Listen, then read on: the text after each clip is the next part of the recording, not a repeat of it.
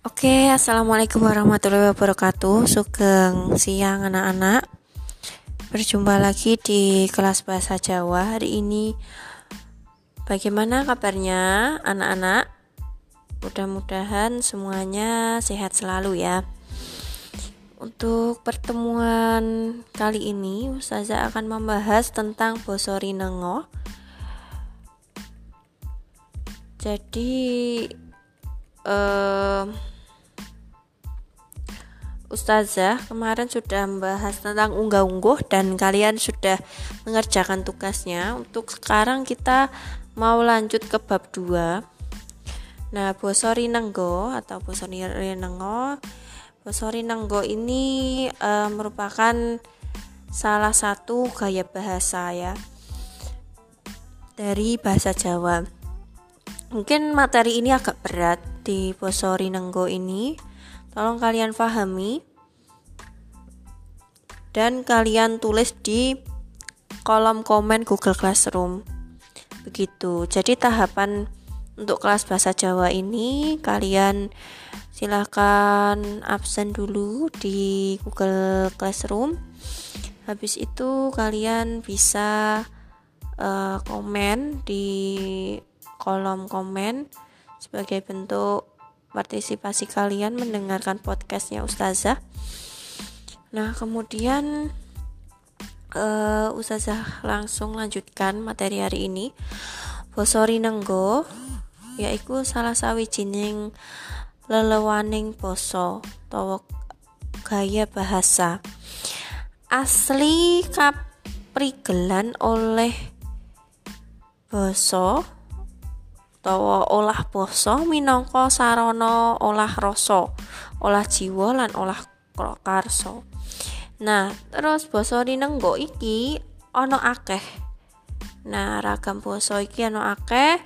Iku enek bebasan. Nah, bebasan iku unen-unen kang panggong panggonane duwe teges pepindahan sing dipindhakake utawa dibandingake kahanan lan olah kridani manungso ya. Jadi bebasan iki kata atau quote ya quote.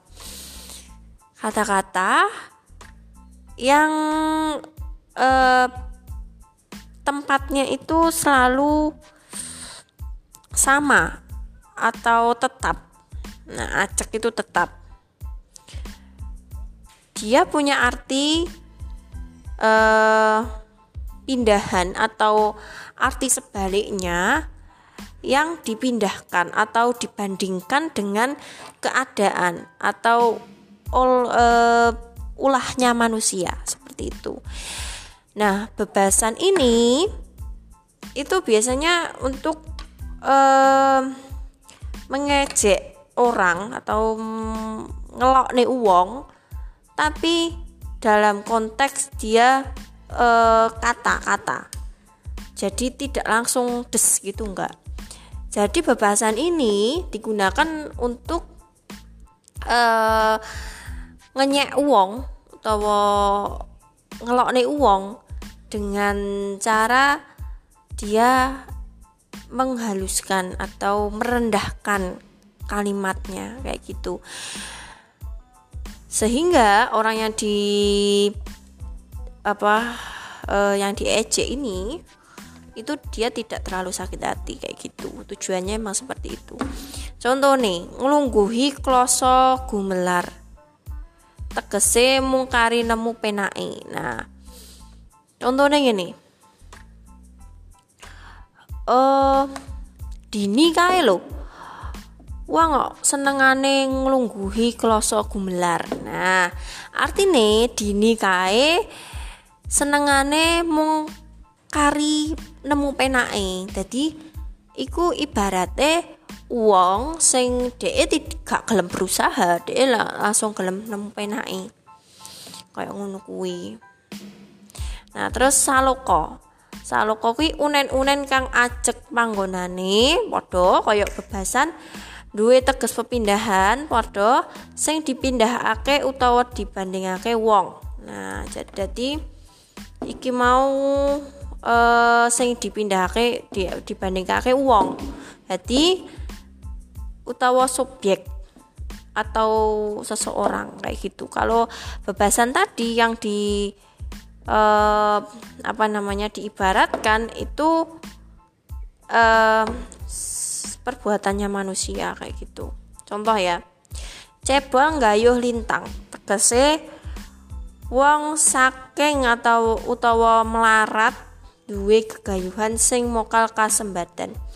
Jadi cebol ngayuh lintang ki iku ibarate awake dhewe ki nggak bakal iso uh, ngeraih apa sing awake dhewe pingini. Mergo awake dhewe ki gak gak ngerasa gak tahu diri bahwa awake dhewe ki gak iso gak iso uh, ngeraih apa sing ade pingini. Ibarate ibaratnya yo eh, mohon maaf ya ini. Mungkin dalam kata kasarnya seumpamanya eh, si A. Si A itu pengen pengen apa ya istilahnya? Pengen sepeda. Pengen sepeda yang dia harganya 100 juta 100 juta. Sedangkan si A ini penghasilannya per bulan hanya 2 juta kayak gitu. Nah ya mana mungkin dia dia beli sepeda kecuali kecuali dia eh, dapat hadiah kedua hutang ketiga. Mungkin dalam jangka waktu yang lama sangat-sangat lama dia baru bisa beli sepeda yang harga satu juta itu. Nah itu um, ibarat peribahasanya saluko kayak gitu. Terus pepindahan pepindahan iku unen-unen sing duwe teges emper-emperan utawa irip-iripan umpamane kanggo bangket bangketake bangketake lumrahe nganggo tembung lir pindo kadya kaya lan liyan-liyane jadi pepindahan iki eh, kata yang punya teges atau arti kehidupan uh, yang diumpamakan membangkitkan. Jadi umumnya ini makai kata ler, window, kadio, koyo, lan liane-liane kayak gitu. Jadi contohnya ketiban daru, tegese bejo banget. Sumbare koyo bisa mutung wesi gligen atau gligen. Tegese kaya ora ana sing bisa ngalahake. Srawungane kaya lenga karo banyu, tegese ora bisa rukun. Dadi uh, iki ya padha sih kaya anek kaya-kayane. Tapi iki enek uh, unsur-unsur alami kayak gitu. Terus peribasan, unen-unen sing ajek panggonane ngamu surasa wantah jadi unen-unen atau kata yang tetap atau acep tempatnya yang artinya itu eh, apa namanya utuh kayak gitu. Tadi kan artinya tidak utuh kayak gitu agak membingungkan. Kebat keliwat gencang pincang tegese tumindak kanthi kesusu asile ora bakal marmake gitu. Peribasan ini itu ter, termasuk paribasa atau peribahasa paribasa peribahasa kayak gitu. Gitu ya. Oke sekian terima kasih. Ini pertemuan kita hari ini.